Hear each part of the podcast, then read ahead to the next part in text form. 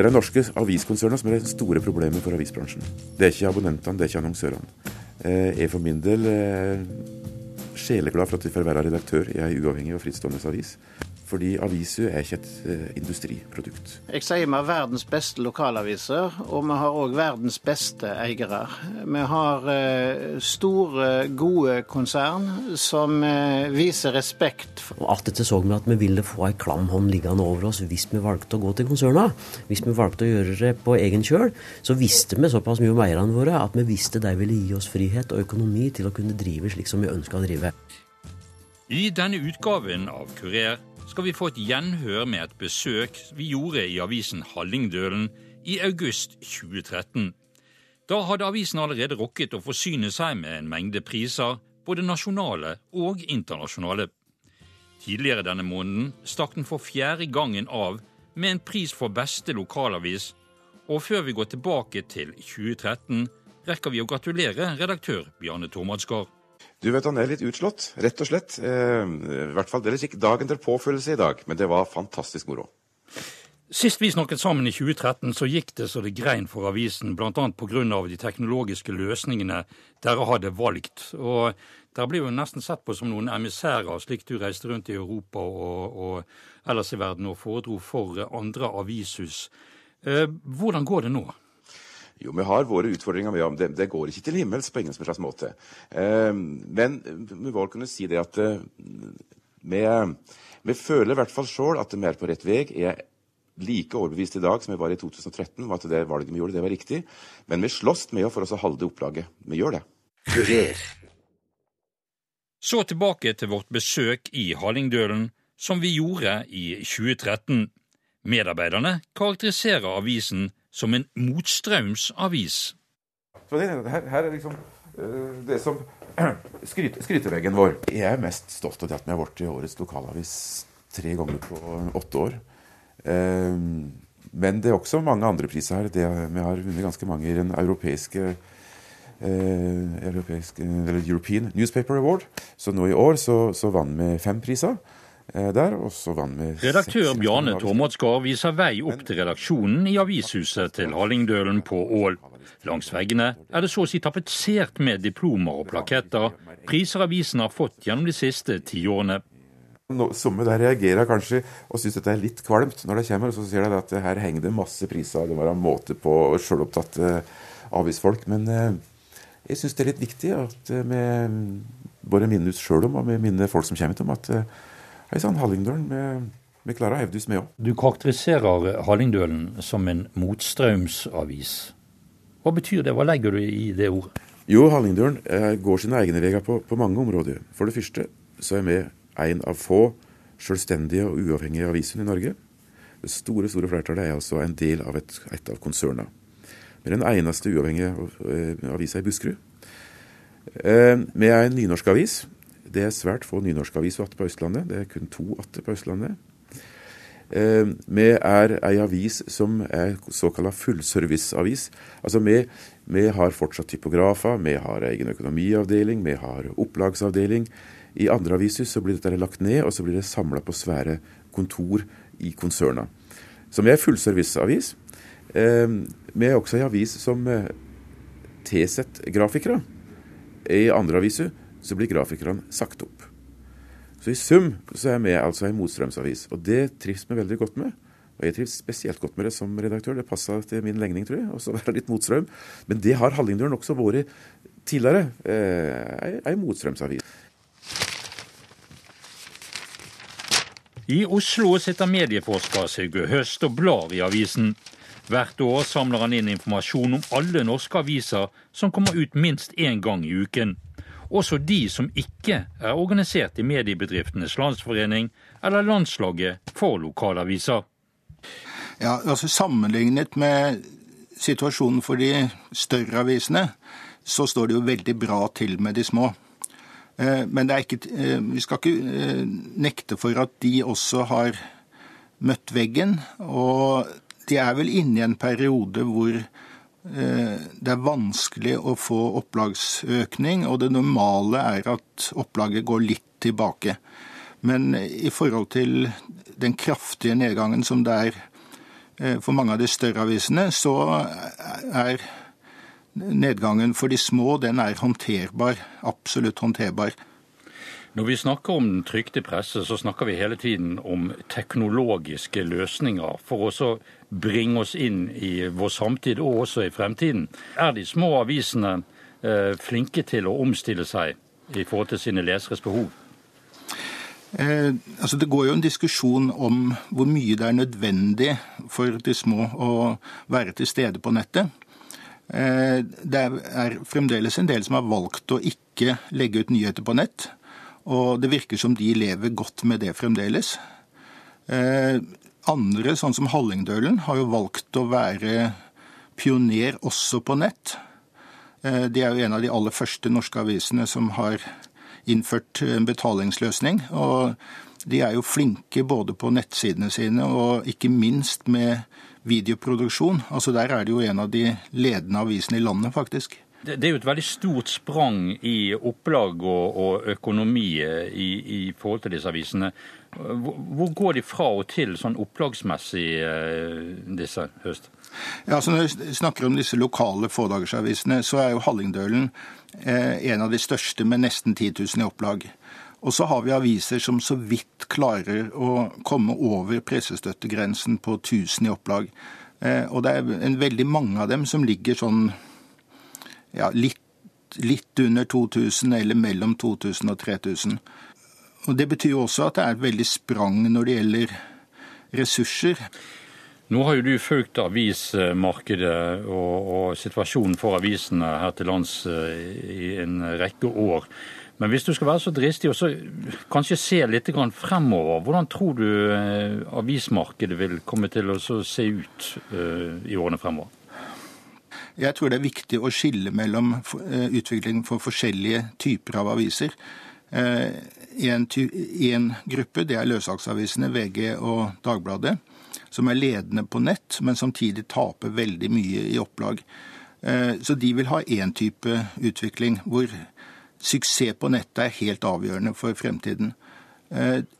De store og mellomstore abonnerte avisene Eh, de har en bedre opplagsutvikling, eller mindre dramatisk opplagsutvikling enn løssalgsavisene. Men de er også svakere på, på nett, så, så, litt, så, de er nok fremdeles i mange år avhengig av eh, at papiravisen gjør det rimelig godt. Da. At, de, at de ikke mister for mye opplag, og at de ikke mister for mye annonser på papiravisen. Og så er den tredje gruppen, det er de små lokale fådagersavisene, hvor Hallingdølen da er en av de aller største. Eh, det er nok den gruppen i Avis-Norge som kan se fremtiden tryggest i møte. Altså, hvis det ikke skjer noe helt dramatisk, så, så kan de regne med en eh, situasjon fremover som ikke skiller seg så veldig mye fra den de har i dag. Så langt medieforsker Sigurd Høst. I Hallingdølen har de gjort flere tiltak for å sikre fremtiden noe som har vakt interesse både nasjonalt og internasjonalt, forteller redaktør Bjarne Tormodsgaard. Ja, vi bruker altså begrepet all inclusive, eller ett abonnement, fire kanaler, som er mer presise. Eh, det det går kort og godt ut på, det er det at eh, i dag så får du alt innhold eh, som Hallingdølen produserer. Det får du altså distribuert på alle plattformer. Altså du får det på papir, og du får det på iPad, og du får det på PC eller på nett, og du får det på telefon. Eh, og så er det slik at du som, som abonnent velger hvordan du vil lese eh, Hallingdølen.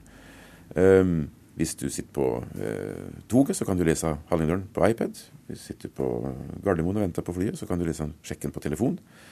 Eller du kan være på kontoret, så kan du lese den på PC-en din, eller sitte hjemme i godstolen. Poenget er at du får alt innhold på alle plattformer, men du må altså være abonnent. Så det betyr at vi har altså stengt nettet for gratispassasjerene. Vi legger ikke ut gratis innhold lenger på, på, nettet. Filosofien er altså det. Betaling for alt innhold. Gjøre alt innhold tilgjengelig på alt som finnes av publiseringsplattformer. Men dette var vel et noe dristig grep når dere, når dere virkelig bestemte dere for å gå for det? Det var fordi det var ingen som hadde gjort det. Eh, så dette her var jo nesten et skudd ut i løse lufta. Så vi var jo veldig spent. Um, men det som, var, det festa seg for oss, det, det, var det at vi nøykte å gjøre noe for å stoppe et opplagsfall. Og så gikk det opp for oss en erkjennelse her at det, det er jo komplett ulogisk å drive og gi bort produktet. Det er ingen som gir det. Det er ingen bilselgere som gir bort bilene sine. Det er ingen bønder som gir bort mjølk. Det er ingen eh, elkjøpforhandlere som gir bort fjernsynsapparatene sine. Men avisredaktørene de driver og gir bort produktet sitt. Dette er ulogisk, og det er uklokt. Det er uøkonomisk. Eh, og, og, jeg vil si at det temaet er urettferdig overfor abonnentene, som betaler for, for innholdet. Og så skal det da være noen gratispassasjerer som skal få deler av produktet gratis. Denne erkjennelsen her var det som liksom datt ned i huet på oss, og da var det å finne en modell som passa. Og det som da kom festa seg fort, det var at vi må gjøre det enkelt. Veldig enkelt. Og det enkle det er ofte kanskje det smarteste. Um, og derfor så fant vi ut at nei, vi har alt innhold, det tar vi og publiserer på alle plattformer. Og så er det som sagt leseren som bestemmer hvordan han vil tilegne seg dette her. Eh, I stedet for å lage et eget iPad-produkt og et eget mobiltelefonprodukt og et eget PC-produkt, eller nettprodukt da, og et eget papirprodukt. Dette var det enkle og, og lure for oss, for vi er også en liten avis og må ta hensyn til det at vi, vi kan ikke bruke svære ressurser på å lage mange forskjellige produkter. Så modellen har uh, vakt reaksjoner både innenlands og, uh, og, utenlands? Ja, den har faktisk det. For de har vært også rundt i, i utlandet. eller vært i, senest i, i, USA. Og, og, den modellen her den var helt ny for amerikanerne. Det er også betalingsmodeller i USA. New York Times er jo de som er eh, den leiende avisa i, i USA med sin, sin, modell. Når uh, man nå har samlet alt stoffet, uh, layouten er lagt, uh, hva skjer da for å spre innholdet til de fire plattformene? En forutsetning for å få til den modellen her, var det at vi hadde et publiseringssystem som gjorde at dette har vært veldig enkelt og rasjonelt å publisere. Og det fant vi. Så vi, vi, har et publiseringssystem som er slik at det faktisk bare å trykke på en knapp, så går artiklene automatisk ut til alle plattformene. Um, vi bruker tidsstyring, slik at det, på den digitale plattformen så skjer det nå mye mer enn det gjorde før på det gamle nettet. For nå skal vi jo publisere alt innhold. Og så porsjonerer vi ut her gjennom døgnet. Men det innebærer faktisk at en god del artikler kan komme før på den digitale plattformen før du får det på papiravisa. Men det er ikke noe farlig, det. fordi det har jo betalt. Og hvordan abonnenten vil lese, om han vil lese den spesifikke artikkelen på nettet, på en iPad, eller om han vil vente til han får papiravisa, det bryr ikke jeg meg om. Det får han bestemme. Poenget er i hvert fall det at eh, nå skjer det mye mer på den digitale plattformen, fordi det er en løpende, løpende publisering. Og sjølsagt, det er viktig. Um, alle plattformer har sine fortrinn.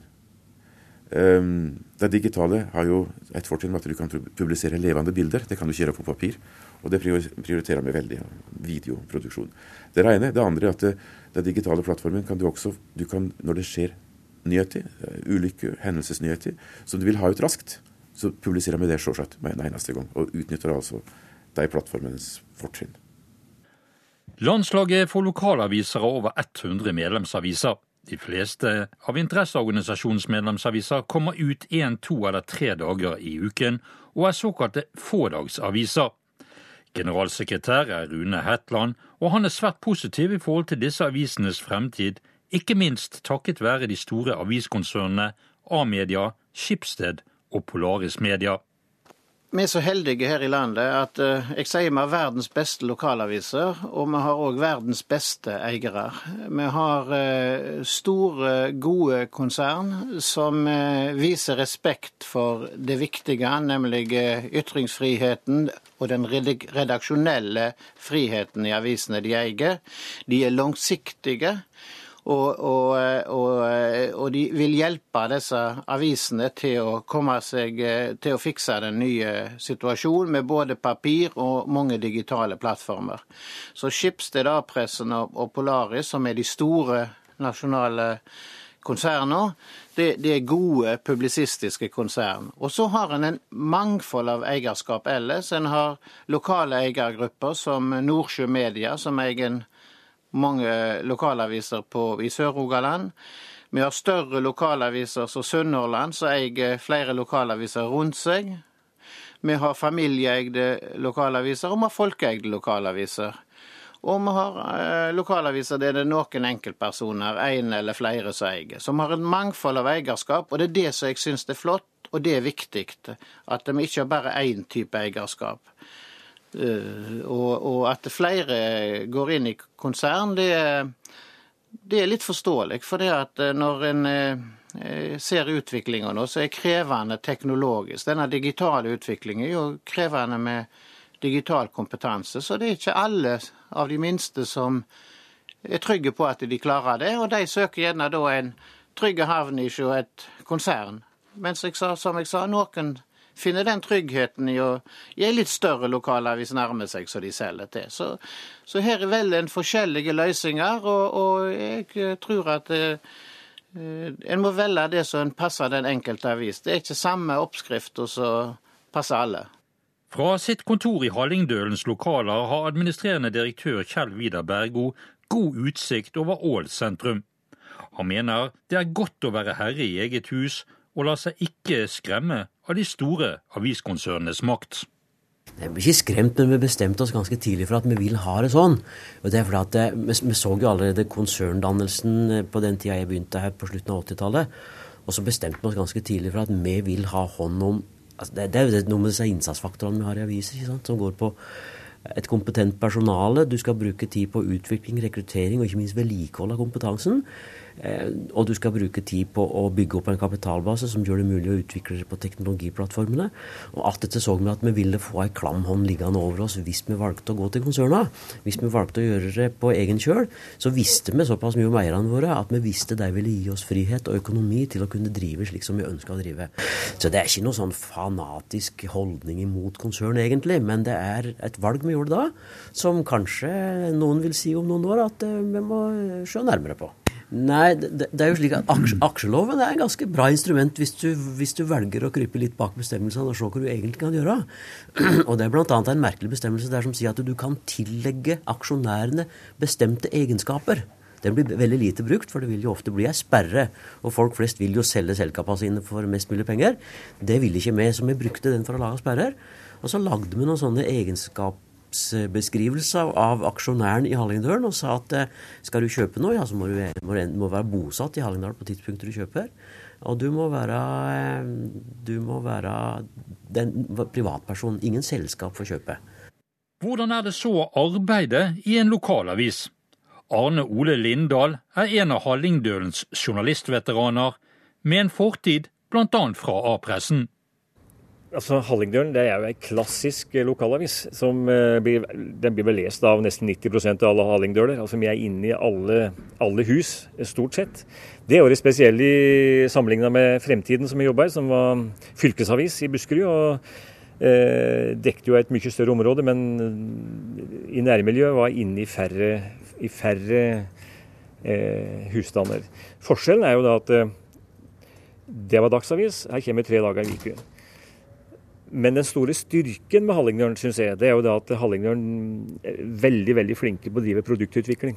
Er ekstremt gode på det. Og eh, i motsetning til mange konsernaviser som, eh, der overskuddet blir sendt eh, helt andre plasser enn inn i et avishus, så, så, kommer det tilbake til huset i veldig stor grad. Og det har gjort Hallingdølen til ei avis som har mulighet til å, til å drive utviklingsarbeid. Og det syns jeg er kjempe, kjempebra. altså. Det store forskjellen på å jobbe, på å jobbe her sammenlignet med når du jobber i en stor redaksjon i en by, jeg har sjøl jobba i Drammen i, i, fremtiden der, det er jo at her eh, risikerer du å, å, stå i kø bak offeret på samvirkelaget. Og da skal du ha gjort jobben din bra, altså. Det er Men det, det skjerper oss også. Dette med at man eh, på en måte beskikker sitt bo ganske bra her. man mye av fortjenesten går tilbake igjen eh, til, eh, til avishuset.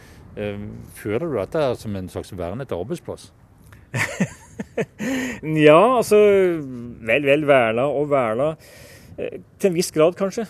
I dag, med den, den usikkerheten som nå rår i mediemarkedet, så føler vel jeg at, at, vi på en måte lever et, vårt eget liv her oppe i Hallingdal. Og vi lever et, et veldig bra liv syns jeg, her i Hallingdølen. Jeg tror eh, det er en veldig stor inspirasjon for medarbeiderne. Eh, en enda større Altså det, det blir en enda mer go i redaksjonen, for at vi føler at, eh, at det vi gjør, det, det, blir verdsatt på den måten av eierne våre at, at vi får utvikles videre. Hadde vi jobba livet til oss bare for å konstatere at hele overskuddet hadde bare forsvunnet inn i et eller annet konsernkontor, da ja, det tror jeg er litt demotiverende, rett og slett. Så tilbake der vi startet, med redaktør Bjarne Tormodsgard i Hallingdølen. Han mener det er mange gode grunner for avisen å være selvstendig og utenfor konsernmakten i norsk presse, også i fremtiden. Eh, konserna de pålegger avisene å produsere store overskudd. Eh, for å kunne klare det, så må de kutte i folk. De må kutte i overtid, de må kutte i frilansere, de må kutte i kurs. I det tatt, De må kutte i alle de faktorene som er med på å skape et godt produkt. Eh, det er rene de økonomiske kravene som da avisene blir stilt, stilt, for. Det andre er at et konsekvens av her, det er også en uniformering av avisene.